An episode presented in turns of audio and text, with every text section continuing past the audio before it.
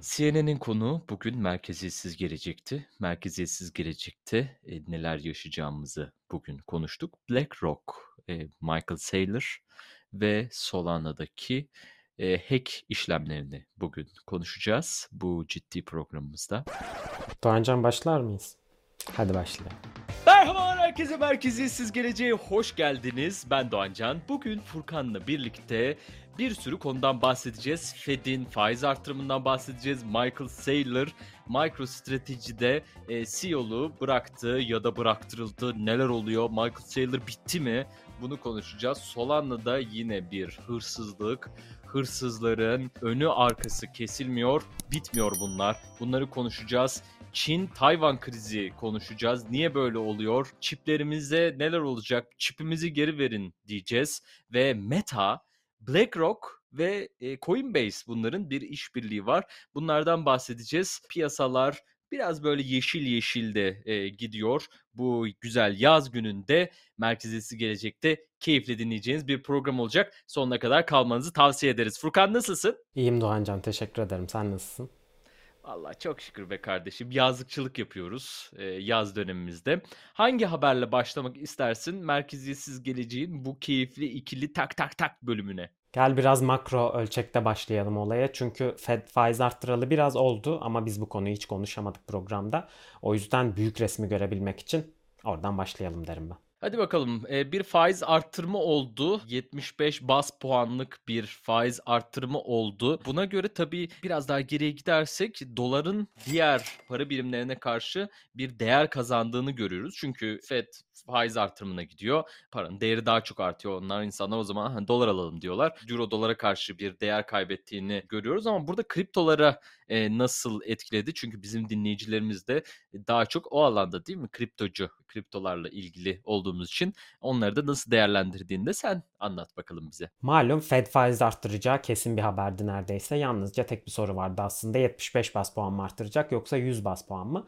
Hani market hali hazırda bir ara 100'ü puanladı bir ara 75'i tabii ki enflasyon verilerinin sürekli güncel olarak gelmesi bu kararı anlık olarak etkiliyor. Hatta Jerome Powell, Fed'in başkanı Fed bu arada Amerikan Merkez Bankası ne karar vereceklerini bir sonraki toplantı için bilmediklerini daha anlık olarak piyasayı takip ettiklerini ve ona göre karar verdiklerini söyledi. Ve karar sonuç olarak 75 bas puan olarak geldi. Piyasa zaten 75 bas puanı fiyatladığı için e, olumlu bir yansıma oldu. Bir de neden olumlu yansıdı piyasalara? Çünkü 2 ay boyunca FED toplantısı yok. Yani Eylül'e kadar herhangi bir faiz kararı gelmeyecek. O yüzden Ağustos ayını kafamız rahat geçirebiliriz diye piyasalar buna olumlu yanıt verdi. E, kripto da biraz aslında Amerikan teknoloji borsası Nasdaq'la korele gidiyor. Ee, biz her ne kadar mevcut finansal sistemden biraz sıyrılmasını bir noktada beklesek de hala bir teknoloji hissesi muamelesi görüyor kripto paralar. O yüzden onlarla birlikte hareket ediyor. E, bu neticede de zaten fiyatlanmış olduğu için kripto paralar buna olumlu yanıt verdi. Bitcoin, Ethereum dahil olmak üzere çoğu artış gösterdi. Pek çok veriyi piyasa takip ediyor ama bu yaz tatil dönemi boyunca biraz rahatlık olduğu için Eylül'deki Fed toplantısına kadar biraz daha artış umuyoruz. Evet tabii yani büyük ölçekte baktığımız zaman yani kimse de öyle görünen o ki yani çok büyük bir kriz olsun e, istemiyor. Bir şekilde hani nasıl toparlayabiliriz? E, krizlerimiz çok olmasın e, diye isteniyor. Her 10 senede bir işte büyük bir kriz olur. Hani beklentisi var. Bunları da bu programlarda da konuşuyoruz. Yani öyle bir krize benzer durumlar yaşandı. Yani şu an Türkiye'de gerçi çok büyük yani daha büyüğü var ama dünyada geniş ölçekte baktığımız zaman uzun süreli olacak bir kriz e, çok istemiyor gibi e, gözüküyor piyasalar. E, ama tabii ki e, burada savaş durumları hani birçok farklı noktaya bakmamız lazım. Bugün de değerlendireceğimiz işte Çin Tayvan gerilimi onların bir parçası olacak. Yani bunların takipçisi olmaya devam edeceğiz. Ama biraz rahatladık değil mi? Ağustos ayında en azından hani e, tatil yapan biraz tatilini yapabilir e, veya işte trade'ini yapmak isteyen de hmm, biraz yeşil olur mu acaba diye e, kendi değerlendirmesine göre e, trade'ini yapabilir. Evet yani burada şu makro veriye de dikkat çekelim. Aslında Amerika'nın sürekli faiz arttırması ekonomiyi yavaşlatıyor. Dolayısıyla belli bir küçülme riski ortaya çıkartıyor ve iki çeyrek üst üste Amerikan ekonomisi gayri safi yurt içi hasıla verilerine baktığımızda Amerikan GDP'si aslında küçüldü. Ama normalde sözlük tanımında iki çeyrek üst üste küçülme resesyon olarak geçiyor. Yani bayağı ekonomik bir küçülme ve krize sürükleyebilecek bir şey. Ama şu anda Beyaz Saray'da, Amerikan Merkez Bankası da bu küçülmeyi resesyon olarak tanımlamaktan çekiniyor. Çünkü hani diğer metrikler gayet olumlu gidiyor. Resesyon dediğiniz hem şirketler küçülür hem işsizlik artar hem ekonomi komple bir çöküntüye girer şeklinde tanımlanıyor. O yüzden bu sefer tanım biraz değiştirdiler ve buna teknik resesyon diyorlar. Ve normal bir resesyon olduğunu kabul etmiyorlar. Çünkü işsizlik verileri açıklandı. Tam tersine iş gücünde bir artış var. Ee, o yüzden resesyon demekten kaçınılıyor. O nedenle faiz arttırmaktan e, geri kalmayabilir Fed. Eğer gerçekten Amerika resesyona girdi, ekonomi küçülüyor, işsizlik arttı noktasına gelirse faiz arttırmayı bırakmak zorunda kalırlar e, ve enflasyonun düşmesini umarlar. Bakalım takip ediyor olacağız. Dinleyicilerimize de bu gelişmeler konusunda bilgi veririz tabii ki. Evet ya Covid'den sonra ya Covid sırasında zaten çok fazla işten çıkartmalar oldu. Ondan sonra zaten daha ne kadar çıkartabiliriz dedik. Daha da fazla çıkartmalar oldu geçtiğimiz e, aylarda. Ama bu büyük teknoloji firmalarında, yatırım alan büyük teknoloji firmalarında ve kripto şirketlerinde e, oldu. Bu artık kocaman e, büyümeyi. Çünkü büyüme nasıl yapılıyordu? Herkes para yakıyor, işte yatırımını yakıyor. E, daha fazla insan alalım, daha çok ölçekleyelim şirketleri. Karlılık önemli değil, kar etmeyelim ama büyüsün. Şirket çok hızlı büyüsün diye e, bir çalışma vardı. Ondan sonra bir ufak bir resesyon yani bir e, piyasalarda düşüş olunca da yatırımcılar da dedi ki bu şirketlerdeki yatırımcılar da yeter artık biraz para kazanalım. Bu ne ya hiç para kazanmıyoruz sürekli para yiyoruz e, dediler. Ama bir toparlanıyor. Her yerde bir fırsat var tabii. Bu daha fazla işe alımlar da e, oluşuyor. Eylül ayı da işe alım ayıdır. Eylül ayında daha iyi bekleyelim Furkan? Ne diyorsun? Yani bekleyebiliriz ama tabii ki şöyle bir risk var. Eğer işe alımlar artarsa o zaman resesyon yok. O zaman biraz daha faiz arttırabiliriz diye bilirler enflasyonla mücadele için. Daha çok faiz arttırırlarsa bu kriptoya negatif yansıyabilir. Çünkü riskli varlıklar her faiz arttırımında biraz daha riske giriyor. O yüzden karar vermesi zor aslında kriptoya nasıl yansır olumlu veriler bile. FED kararlarını biz takip etmeye devam edeceğiz. Bu şekilde e, tamamlayalım. Son söyleyeceğim burada bir şey var mı Furkan? Yok yani bence yeterince zaten genel bir resim çizmiş olduk. Ekstra sorusu olan varsa yorumlara yazsın tartışalım. Bitcoin Magazin programıyla devam ediyoruz. Michael Saylor Bitcoin'in bu çok gözde ismi e, efendim bir şey diyelim mi böyle yakışıklı Bitcoin playboyu magazin programında öyle olmaz mı? Kendi şirketinden CEO'luktan kovuldu. Az sonra. Kovuldu yok kovuldu değil. CEO'luk görevini ortak bir kararla bu kararın kimin verdiği çok da bilemeyiz yani zaten. CEO'luktan ayrıldı. Yani artık her gün burada bir e, şirkette çalışıp işte bütün kararları vermek yerine e, burada chairman oldu. E, yani şirketin yönetim kurulu, icra kurulu başkanı. Zaten icra kurulu başkanıydı ama icra kurulu başkanı executive chairman oldu. Executive chairman Yönetici ne demek? yönetim kurulu başkanı. Yani kararları da veren yönetim kurulu başkanı. Yönetim kurulu başkanı şey verir işte bakar her şey yolunda mı? Arkadaşlar tamam güzel gidiyoruz okey. Kararları kim verir? CEO verir. Yani executive chairman. Yani yine kararları ben vereceğim diyor. Bitcoin almaya devam edeceğiz diyor. Ben kısaca söyleyeyim. Bitcoin almaya devam edeceğiz diyor. Ben artık daha fazla Bitcoin'e e, uğraşacağım diyor. Ama şimdi verilere baktığımız zaman da şöyle bir şey var Furkancığım. Geçtiğimiz son 3 ayda bu MicroStrategy'nin 917 milyonluk bir e, bir zararı söz konusu. Yani bu yani büyük şirketlerden daha büyük bir zarar e, açıkladı. Sonuçta bunların da hepsini göz önüne aldığımızda bir CEO'luktan ayrılmakta bir başarısızlık mı? E, başarısızlığı kabul etmek mi? E, sen bunu nasıl değerlendiriyorsun? Bu magazin haberiyle başlayalım. Güzel bir haber ve söylenecek çok şey var hakkında.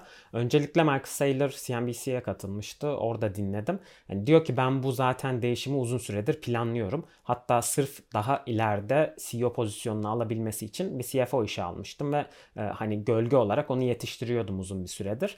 Ama bir CEO vardı işte o gelecekti vesaire vesaire. Yani aslında bu değişimi planlıyordum. E, ekibi kurmuştum ve herkese eğitiyordum. Ama şöyle bir şey oldu dedi. Yeni CFO gelene kadar CFO'yu CEO yapamazdım. Çünkü e, yani halka arz şirketlerde CFO ve CEO'nun aynı kişi olması iyi bir şey değil. O yüzden alternatif bir CFO arıyorduk. Onu bulduk, yetiştirdik ve şimdi ben bu planı uyguluyorum. Yani senelerdir zaten ben bunu planlıyorum diyordu. Şimdi yönetim kurulu başkanı olarak daha fazla istediğim konulara odaklanacağım. Bitcoin alım stratejisine daha iyi odaklanacağım. Benim planımı da güvenin diyor. Zaten e, hisse çoğunluğu bayağı bir elinde var. Yani big tech şirketlere baktığımız zaman aslında kurucu e, CEO'nun o kadar hissesi olmuyor. Ama Michael Saylor pek de satmamış hisselerini. O yüzden e, bayağı yönetim kurulunda söz sahibi. Yani aslında kovulması gibi bir durum çok zor. Çünkü hisse çoğunluğu elinde. Tabii ki burada farklı farklı şeyler dönmüş olabilir.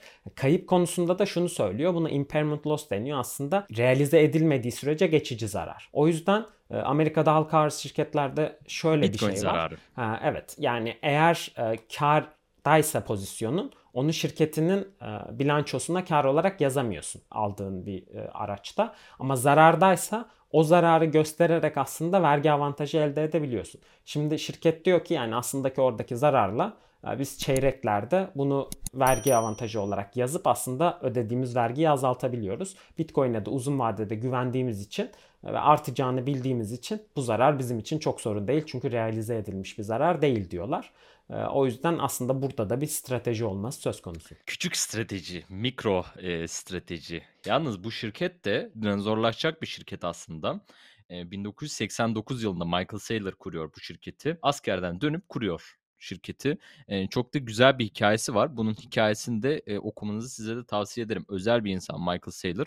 Burada yani kovulma mı olma diye bahsediyoruz ama yani adam maşallah dersiniz yani. 33 yıldır adam başında yani şirketin başında, dükkanın başında adam duruyor. Her gün dükkana gidiyor. Yorulmaz mısın? Yorulursun yani her gün dükkanın başına git, e, onu yap, bunu yap. Dükkanın başında bütün sorunlar o. 917 milyon kaybediyorsun. Sen daha büyük şeyler düşünüyorsun. Yatırımcı sana ağlamaya başladı. Ya niye kaybettin falan filan diye. Ya kardeş bir dur. Ondan sonra adam Bitcoin'e daha fazla uğraşmak istediğini, daha kendi e, yapmak istediği eğlenceli aktiviteleri. Bitcoin biraz eğlenceli yani onları çalışmak istediğini söyledi. Şimdi biraz rakamları da konuşursak aslında bu Bitcoin yatırımları nasıl değerlendirdi diye çeyrek ikinci çeyrek rakamlarını açıkladı MicroStrategy. Bunu da Twitter'ından görebilirsiniz. Michael Saylor orada da paylaştı. Kendi sitesinde de görebilirsiniz. Bütün büyük şirketler aslında zarar ediyor ve hep bir eksi de kapatıyorlar. Meta zaten yani bunların arasındaki en büyüğü. Meta büyük patladı. Her şey yapacağız dediler olmadı olmadı vesaire. E, Facebook'ta da bunun etkisi var muhtemelen. %39'luk bir azalış görüyoruz hisse değerlerinde. Amazon'da keza %14'lük bir azalma gözlemliyoruz. Ama burada baktığımız zaman işte Nasdaq mesela %13 artmış ama MicroStrategy 123'lük bir performansını görüyoruz. Bu da Ağustos e, 2020, Ağustos 2022 arasındaki e, süreçte %123'lük bir artış var. E, bunun yanında yani bu Covid süresinde de herkes düşüşte. İşte Google e, aralarında en fazla artış gösteren olmuş %54 ile. Performansı da aslında iyi yani e, hani tamam bu kadar paralar kaybedildi e, Bitcoin'de biz büyük bir zarar var. Şunu tekrar edelim. MicroStrateji şirket bazında elinde en fazla Bitcoin bulunduran yapı, organizasyon ve bu performansı da buna yine Bitcoin'e bağlayabiliriz diyor Michael Saylor. Evet burada hisse performansına da bakılabilir bir başarı kriteri olarak. Aslında MicroStrateji Bitcoin almaya başlamadan önce hisse fiyatı çok daha düşüktü ve genel performansa bakılınca bu süre aracında S&P 500'ü aslında performansını geçti. Yani normal olarak hani çok tepelere çıktığı için düşüşü göze batıyor ama aslında başladığı noktaya bakıldığında e, çok volatil bir hisse olmasına rağmen daha yukarıda görülüyor yani Bitcoin stratejisi o kadar da başarısız sayılabilir mi emin değilim. E başarılı tabii ya yani çünkü şey de yaşadılar ya 2021 iyi bir seneydi. O ara büyük e, kazançları var. E bir de ortalaması hala söylüyordu yani 40'larda. Bu zararda olması lazım aslında ya. Furkan nasıl oluyor bu işler ya? Çok matematik. Zararda zararda işte bir, bir buçuk milyar falan zarardalar. Ama onları işte vergiye yazdıkları için geçici zarar gördükleri için ve uzun vadede kar edeceklerini düşündükleri için piyasanın hisseye olumlu bir fiyatlaması var. 100 bin olacak diyenlerden değil mi Michael Saylor'da? Gözleri dikmiş 100 bin olacakçı. Evet. Peki Furkan Michael Saylor'a buradan bir diyeceğin var mı? Senin var mı MicroStrateji hissen? MicroStrateji hissem yok. Zaten MicroStrateji aslında Bitcoin'i olmayanlara bir Bitcoin ETF olarak çalışıyor. Böyle bir fonksiyonu var. Ve bizim gibi zaten Bitcoin'i alan satan, daha çok alan ve tutan insanların hani bu tür hisse senedi üzerinden Bitcoin'e bir ulaşımı olması gerekmiyor. O yüzden MicroStrateji hissesi almadım ben. Bitcoin'i çok riskli bulanlar, almak istemeyenler, biraz daha hisselerle işini bilenler bir şekilde Bitcoin'in artışından faydalanmak isterse MicroStrateji hissesi bir opsiyon olabilir. Analitik şirketi canım asıl yani şimdi yazılım analitik şirketi büyük enterprise büyük şirket bazında daha fazla verileri anlamlandırmayı hedefleyen bir şirket. Yani onlara da var. Kendi performansı da kendi nakit akışında bu şekilde sağlıyor. Sadece Bitcoin'ci de değil yani Furkan. Evet ama yani hissesi biraz daha hazinesini fon, yani fiyatlıyor. Şirket performansı olarak bakıldığında genelde iyi ama orada çok güçlü rakipleri var. Yani Microsoft Power BI ile çok güçlü karşısında Tableau var mesela herkesin kullandığı. E, bu tür alternatifler arasından aslında çok çok sıyrılamayınca e, gidip Bitcoin stratejisiyle, hazine stratejisiyle sıyrılmaya çalıştı. O yüzden hissesi de biraz da Bitcoin alım satım ve Bitcoin'in fiyatına bağlı hareket ediyor. Arkadaşlar Furkan'ın dediği doğru mu? Bunu öğrenmenin yolunu ben size söyleyeyim. microstrategy.com adresine gidiyorsunuz. Ondan sonra e, yatırımcı ilişkileri kısmına gidiyorsunuz. Investor Relations. Ondan sonra oradan gidiyorsunuz ki işte 2021 ne görmek istiyorsanız Earnings Presentation, Earnings Report ya da e, ikisi de olur. Ona tıklıyorsunuz. Sonra da gidiyorsunuz operasyonlarla ne kadar bir değer oluşturmuş. Yani operasyonlardan ne kadar bir gelir oluşturmuş ona bakıyorsunuz. Bakıyoruz ki eğer operasyonlardan yani EBITDA'sı güzel sağlam bir EBITDA'sı varsa Furkan'ın dediği yanlış. Tamam Furkan atıyor. Emin değilim yanlış sayılıyor mu? Yani hissede neye fiyatlandığını nasıl göreceksin oradan? İnsanları neden yanlış yönlendiriyorsun kardeşim burada? Şöyle hisse nasıl fiyatlanıyor onu da konuşalım o zaman. Sene başında sen e, şirketler açıklıyor. Biz bu sene bu performansı sergileyeceğiz e, diyor. Ondan sonra şöyle bir EBITDA planımız var, projeksiyonumuz var diyor. Bunu tutturursan hisseye olumlu yansıyor. Ayrıca karını da yani burada gösteriyorsun. Hisseye olumlu yansıyor. Tutturamazsan bu sefer bir güvensizlik ortamı çıkıyor. E, bu tutturamamış. Bu da aksi yönde yansıyor. Yani burada bir zarar olarak yansıyor. Tabii ki bunun stratejisi içerisinde Bitcoin önemli bir yer kaplıyor. Yani adamlara biz Bitcoin alacağız diye Michael Saylor CEO'su her zaman söylüyor. Netekim de alıyorlar. Da olumlu yönde yansımış onlara. Mesela Facebook öte yandan baktığımız zaman Mark Zuckerberg atıp tutuyordu. Yok işte biz meta yapacağız. işte e, şöyle bir DM yapacağız. Sonra neydi o cüzdanların adı? Cüzdan yapacağız. Hiçbirini yapamadı. Dolayısıyla ne oldu? E, yatırımcılar da Aa, bu ne böyle be? deyip bıraktılar. Burada tabii EBITDA'sına e, baktığımız zaman yani operasyonlarından oluşan gelir olumlu bile olsa sözlerini tutamadığı için e, fiyatlamayı o şekilde etkiliyor. Doğru mu Furkan? Doğru. Doğru. Söyle. Herkes duysun. Kamuoyu duysun. Doğru. Güzel yaptın. Sadece yani o kadar çok aslında değişken var ki hani var. sadece EBITDA'ya bakınca piyasanın tamamen rasyonel olduğunu varsayıyoruz ve herkesin EBITDA'ya göre şirket fiyatlayacağını ama aslında e, biraz daha spekülatif bir marketle karşı karşıyayız ve yatırımcıların tamamen rasyonel olduğunu varsayamıyoruz. E, o yüzden değerlemelerde dediğin gibi çok önemli bir faktör bu tür verilere bakmak ama her şey bundan ibaret olmuyor. E, aslında yönü konusunda çok güzel bir fikir verebilir ama o yönün ne kadar artacağını azalacağına dair farklı parametreler işin içerisine girerek biraz değişiklik yaratıyor. EBITDA. Neydi EBITDA'nın Türkçesi? Türkçesini. Favök. Favök, Favök. Favök diye de bakabilirsiniz. Favök. Türkçesine Ha, tamam, oradan da evet. inceleyebilirsiniz. Bu finans dersimiz, finans ve yatırımcılık dersimizden sonra Furkan'la açalım bir tane kurs bizde. Patlatalım Furkan be. Arkadaşlar merkeziyetsiz gelecek finans kursuna yazılın siz de. Yok yok onları yapmayız ya. Bakarız. Yatırım tavsiyesi değildir. Solana cüzdanı. Solana ne oldu Furkan? Solana yine soydular. Bu nedir ya? 8000 cüzdan hacklendi ve bu 8000 cüzdanın kim tarafından hacklendiği, ne olduğu, nereye gittiği, nasıl bir açık tarafından oluştuğunu hala bilemiyoruz. Çözemedik bu işleri ya. Hiç güvenlik hissetmiyorum ben kendimi. Valla şey paranoyak oldum. C- Şeye bakıyorum işte Ledger orada mı, o orada mı? Bizi paranoyak ettin Furkan. Bu deli ettin bizi. Aslında tek bir sırrı var bu işin ve bunu sürekli söylüyoruz. Soğuk cüzdanınızı alıyorsunuz ve güvendesiniz. Olay aslında bu kadar basit. Solana biraz dramaların zinciri. Arada durduruluyor, arada devam ettiriliyor. Zaten bir blok zincirin durdurulabiliyor olması biraz merkezi olduğunu gösteriyor. Ve o yüzden hiçbir zaman şahsi olarak gözümde çok çok değerli olmadı. Yani çünkü biraz kontrol altında bir zincir. Burada da acaba Solana mı hacklendi diye çok büyük bir panik yarattı. Gerçekten Solana hacklenmiş olsaydı şu an fiyat sıfırdı yani öyle söyleyeyim. Ama neyse ki öyle bir şey olmamış. Yalnızca cüzdan sağlayıcılardan biri Slop. Gizli anahtarları düz metin şeklinde tuttuğu için kayıtlarında e, hackerlar buna eriştiği anda bütün gizli anahtarlara erişimi oldu e, sıcak cüzdan kullanıcılarının. Gerçekten bir cüzdanın yapabileceği en büyük hata olabilir. O yüzden sıcak cüzdan kullanırken çok dikkat edin arkadaşlar. E, donanım cüzdanlarının avantajı sizin gizli anahtarlarınızı direkt cihazda tutması. Bu sayede imzanızı oradan atıyorsunuz ve işlem yapıyorsunuz. Ama sıcak cüzdan internete erişimi olan e, internet tarayıcınızda tuttuğu için bu bilgileri ki Slope örneğinde düz metin şeklinde tutuyormuş. Çok kolay hacklenebilir oluyor. Genelde hack olayları sıcak cüzdanlardan gerçekleşiyor. O yüzden soğuk cüzdan, soğuk cüzdan, soğuk cüzdan. Soğuk cüzdan. Evet. Buradan e, Furkan'dan... Ya bu gitti arkadaşım. Şuna bakar mısın şu sineğe?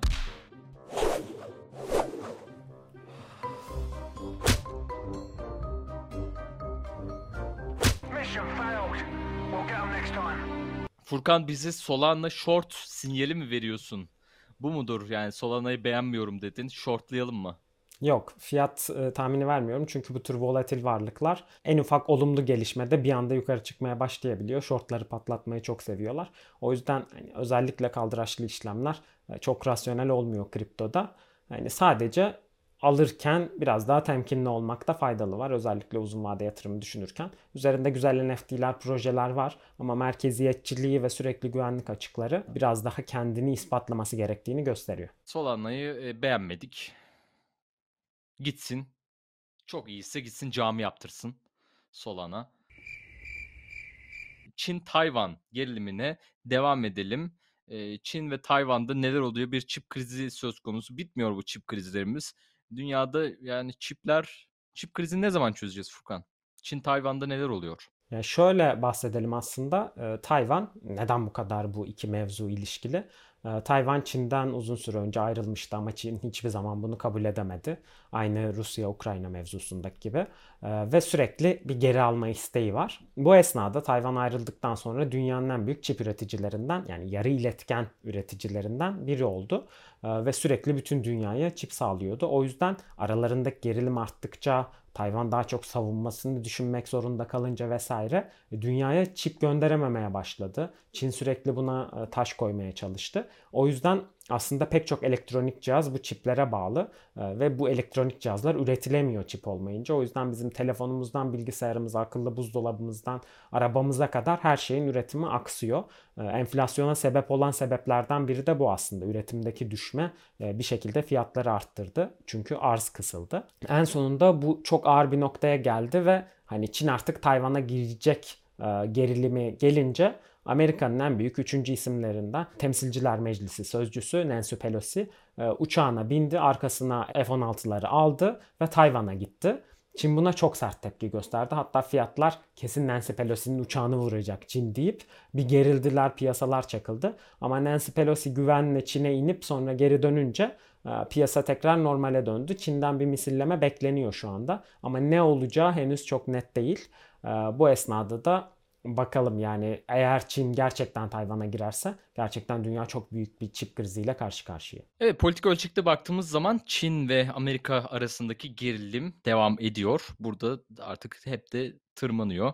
E, kim dünyanın e, büyük gücü olacak diye bir rekabet var burada. Yani şöyle de değerlendirebiliriz. Mesela Amerika işte bu Irak savaşına girdiğinde öncelikli olarak ne için girmişti? Burada bir enerji kaynağı oluşturmak e, üzere.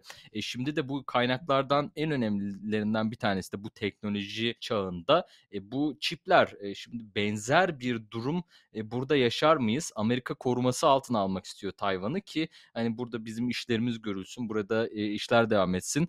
E, ama gerginliği de o coğrafyadaki gerginliği de devam ediyor. İşte Rusya ile Çin'le, e, Kuzey Kore ile arasındaki gerginliği devam ediyor. E, onlar da kendi arasında bir pakt e, oluşturuyor. Ne kadar hani birbirlerine böyle çok aşırı yardım etmeseler de her an bir araya gelebilir e, durumdalar. Batılı topluluklara karşı. Yani burada gerçekten dikkat etmek gereken bir nokta. Bu çip krizi bu yeni bir kriz değil bu arada. Covid'den beri sürüyor çip krizi ve hala e, çözülemedi. Amerika bu çipler üretilsin biz işimize bakalım diyor. Çin de diyor ki bizim kontrolümüzde olsun. Tayvan bizim yerimiz zaten. Amerika sen kimsin ki diyor buradan bir herhalde bir vergi, buradan bir kazanç de sağlamak istiyor diye de bir yorum yapalım. Şöyle de bir gelişme var. Amerika aynı zamanda aslında bir yasa geçirdi. ve çip üretimini tamamen yerelleştirmek istiyor. Bu dışa bağımlılıktan çok artık yaka silkmeye başladı.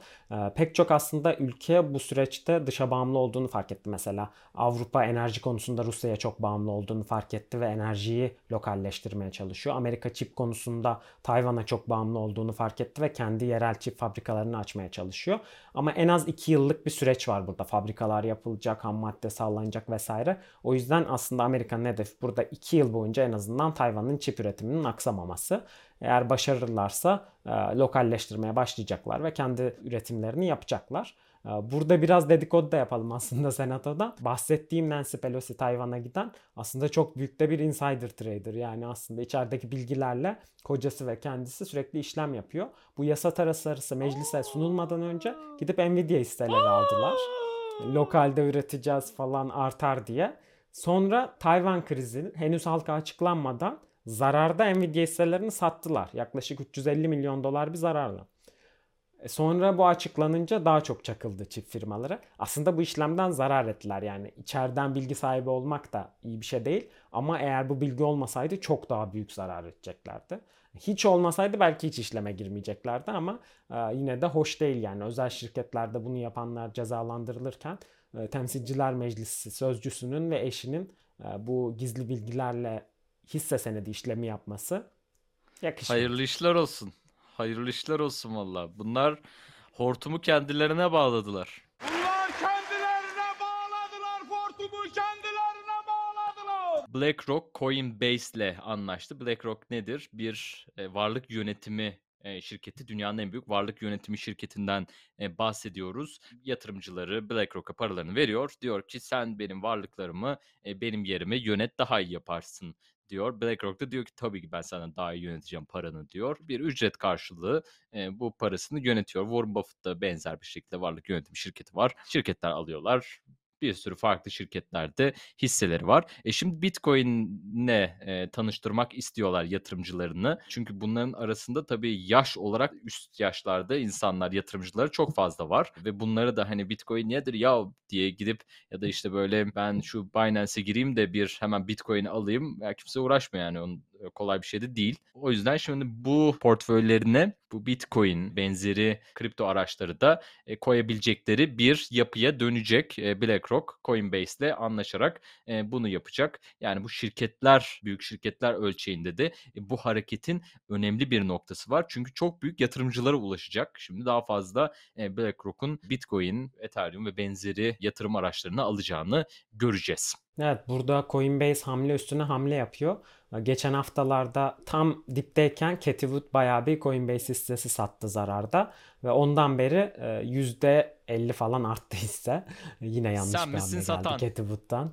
Aynen sen misin satan üst üste anlaşmalar yapıyor. En son BlackRock'la yaptı ve BlackRock gerçekten yani en büyüğü bu varlık yönetimlerinin. Çünkü herhangi bir Türkiye dahil halka arz şirketlere girilen büyüklerine ve hissedarlarına bakın. BlackRock'ın ismini orada göreceksiniz. Çünkü elinde çok fazla e, fon var, ETF var ve kurumsal ve bireysel müşterilerine yatırım araçlarını alarak farklı varlıklara e, erişim imkanı sunuyor. O yüzden inanılmaz talep gören bir şirket varlık yönetimi konusunda. Burada da mesela bizim beklediğimiz ne bu anlaşmadan sonra BlackRock muhtemelen e, ya bir mutual fund dediğimiz fon oluşturacak ya bir ETF oluşturacak ya da sadece kurumsal müşterileri e, kriptoya erişsin diye e, özel fonlar oluşturacak. Bunlar aracılığıyla aslında müşteriler bu fonları aldıkça onlar da gidip Coinbase'den Bitcoin alacaklar. Bu şekilde varlıkları yönetmiş olacaklar. O yüzden büyük kurumsal yatırımcılara kapı açması açısından çok büyük bir anlaşma gerçekten. Hem Coinbase için pozitif hem bizim için pozitif. Güzel. Senin de yüzün gülüyor e, bakıyor. Var mı sende BlackRock hissesi? Sen yatırımcı mısın orada? BlackRock var bende bir fonu var e, ama daha çok altın fonu. Görüyor musun? Bak burada ya olmadı masa yok ya. Bu bu nedir Furkan ne yapacaksın bunları? Bu paraları nereye koyacaksın yani? Gömüyor musun sen bu? Ne yapacaksın ya? Sonra geliyorlar. Yo bize de söyle bunları diyor. Furkan söylemiyor ki bana. Al işte burada size de söylüyor. Akredite yatırımcılarla daha büyük ölçekte akredite yatırımcılarla çalışıyor BlackRock. Akredite yatırımcı ne demek? İşte en az 1 milyon dolarlık net varlığın yani senin varlığın olması gerekiyor ki ona başvurabiliyorsun. Ondan sonra e, sen bu tarz varlık e, yönetimi şirketleriyle birlikte çalış, çalışabiliyorsun veya emlak yatırımları yapabiliyorsun. Böyle yapabiliyorsun ama akredite olmayan yatırımcılar da bizim gibi şu an e, akredite olmayan yatırımcılar için de yollar var. E, çeşitli işte fonları çıkartıyor. Bir sürü ürün çıkartıyor. Böyle telefon gibi falan ürünler çıkartıyorlar. Gidiyorsun diyorsun ki ben bunu alayım. Telefon alınca aynı gün değeri azalıyor ya düşüyor ya. Bu ürünü alınca onun değerinin yükseleceğini bekliyorsun. Sonrasında satabiliyorsun. Kağıt gibi düşün. Böyle şeyler de var. Furkan da bunları kovalıyor. Ar- Arkadaşlar Bitcoin milyonerimiz Furkan. Ben değilim henüz. Furkan söyle söyle içinde tutma. Söyle konuş. Yorum Konuş. yapmayacağım. Konuş. Yorum ya no further comment Tamam. required. Tamam. Coinbase'de başkaları Coinbase baya bir şey yaptı ya. Coinbase'de baya bir e, aksiyon var. Meta'yla da bir işbirliği yaptılar. Bu hayırlı mı olur onlar için, hayırsız mı olur? Çok bilemeyiz ama Meta da Instagram'da bazı kripto paralarla e, işlem yapmayı onayladı. İşte NFT entegrasyonlarını e, konuşuluyor sürekli. Zaten çok kısa süre içerisinde gelecektir. NFT profil fotoğrafları e, çok kısa sürede yani 1-2 ay içerisinde gelecektir. Hani bunlara o alanlara da yatırım yapıyor. Biraz ağır gidiyor bu arada. E, bence Twitter'a göre bayağı ağır gidiyor. Facebook yani ağır ağır kanlı gibi yürütüyorlar bunu. Yani Coinbase ile Meta'da bir işbirliği yaptı. E, kısaca bahsetmek istersen ondan çok kısa bahsedelim. Meta'ya da çok prim vermeyelim. Biraz bozum ben Meta'ya. haklı sebeplerinde var yani. Zaten verilerimizi çalıp sattıklarından beri e, güven kazanmak için isim de değiştirdi. Çok fazla takla dağıttı ama Zuckerberg'e güvenemiyoruz. Ne yapalım? Güven sorunu kolay çözülmüyor. E, Burada attığı hamleler nasıl pozitif? E, NFT koleksiyonlarını Instagram'ında gösterip hani doğrulanmış bir şekilde göstermek isteyenler ve destek verecek ve bunu 100 ülkeye kadar çıkartacağını açıkladı Meta. Yani herhangi o listedeki 100 ülkeden birindeyseniz bir NFT'nizi Instagram'da paylaşacaksınız ve bu NFT'nin gerçekten doğrulanmış koleksiyondan gelip gelmediğini takipçileriniz görecek. Hamlelerden biri bu oldu. Diğeri de dediğin gibi Coinbase'le anlaşma yaptılar. Evet evet bayağı pozitif bir gelişme. Ee, tabii yani bu gösteriş amacına dönerse Instagram'ın genel konseptinde e, çok Instagram bir öyle. şey değil yani. Ama Instagram'ın doğası bu olduğu için ona döneceği de e, neredeyse kaçınılmaz gibi bir şey. E, Böyle portföylerinin şovunu yapan NFT hesapları muhtemelen kaçınılmaz olacak Instagram'da. E, Ama doğası da bu yani. Yapacak çok bir şey yok. Bir şov yapalım ya. Bak bizde de deniz manzaralı. Bir şov yapayım ben de bir. Heh. Efendim beni de Doğan Caner Ertaş olarak Instagram'da bulabilirsiniz.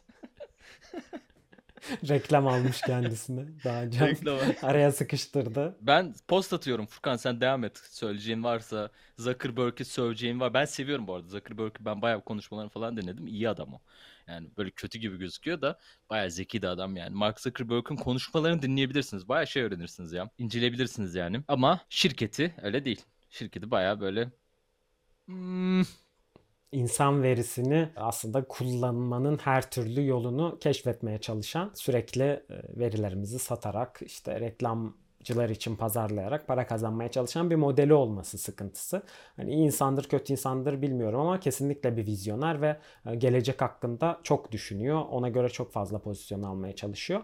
Tek sıkıntısı gelir modeli diyebiliriz aslında. Biraz şirketi üzerine kurmuş olduğu gelir modeli onu bu tür şeyler yapmaya zorluyor. Özellikle Apple'ın son gizlilik hamlesinden sonra gerçekten gelirleri çok büyük bir darbe yedi ve müşterilerini hedefleyememeye başladılar. O nedenle her türlü gelir kapısını, her alternatif yolu zorluyor şirkette. Efendim güzel bir bölüm oldu. Umuyoruz ki siz de keyif aldınız. Bayağı teknik konulara da değindik. E, yatırımlardan bahsettik, makro ölçek politikadan bahsettik. Fed'in faiz artırımları bizim için ne anlama geliyor? Eylül, Eylül'ün sonuna kadar neler beklemeliyiz? Bunlardan bahsettik. Michael Saylor MicroStrategy CEO'luğunu bıraktı. Bunlardan bahsettik. Solana'da yine bir hırsızlık oldu. Biz Solana'yı beğenmedik. Onlardan bahsettik. Çin-Tayvan gerilimi Efendim Pelosi geldi. Neler neler oldu onlardan bahsettik. Çip krizinden bahsettik. Çip krizi büyümeye devam ediyor. Enerji krizi gibi bir çip krizi benzer bir ölçekte mi olacak? Onlardan bahsettik. Meta, BlackRock ve Coinbase'in anlaşmalarından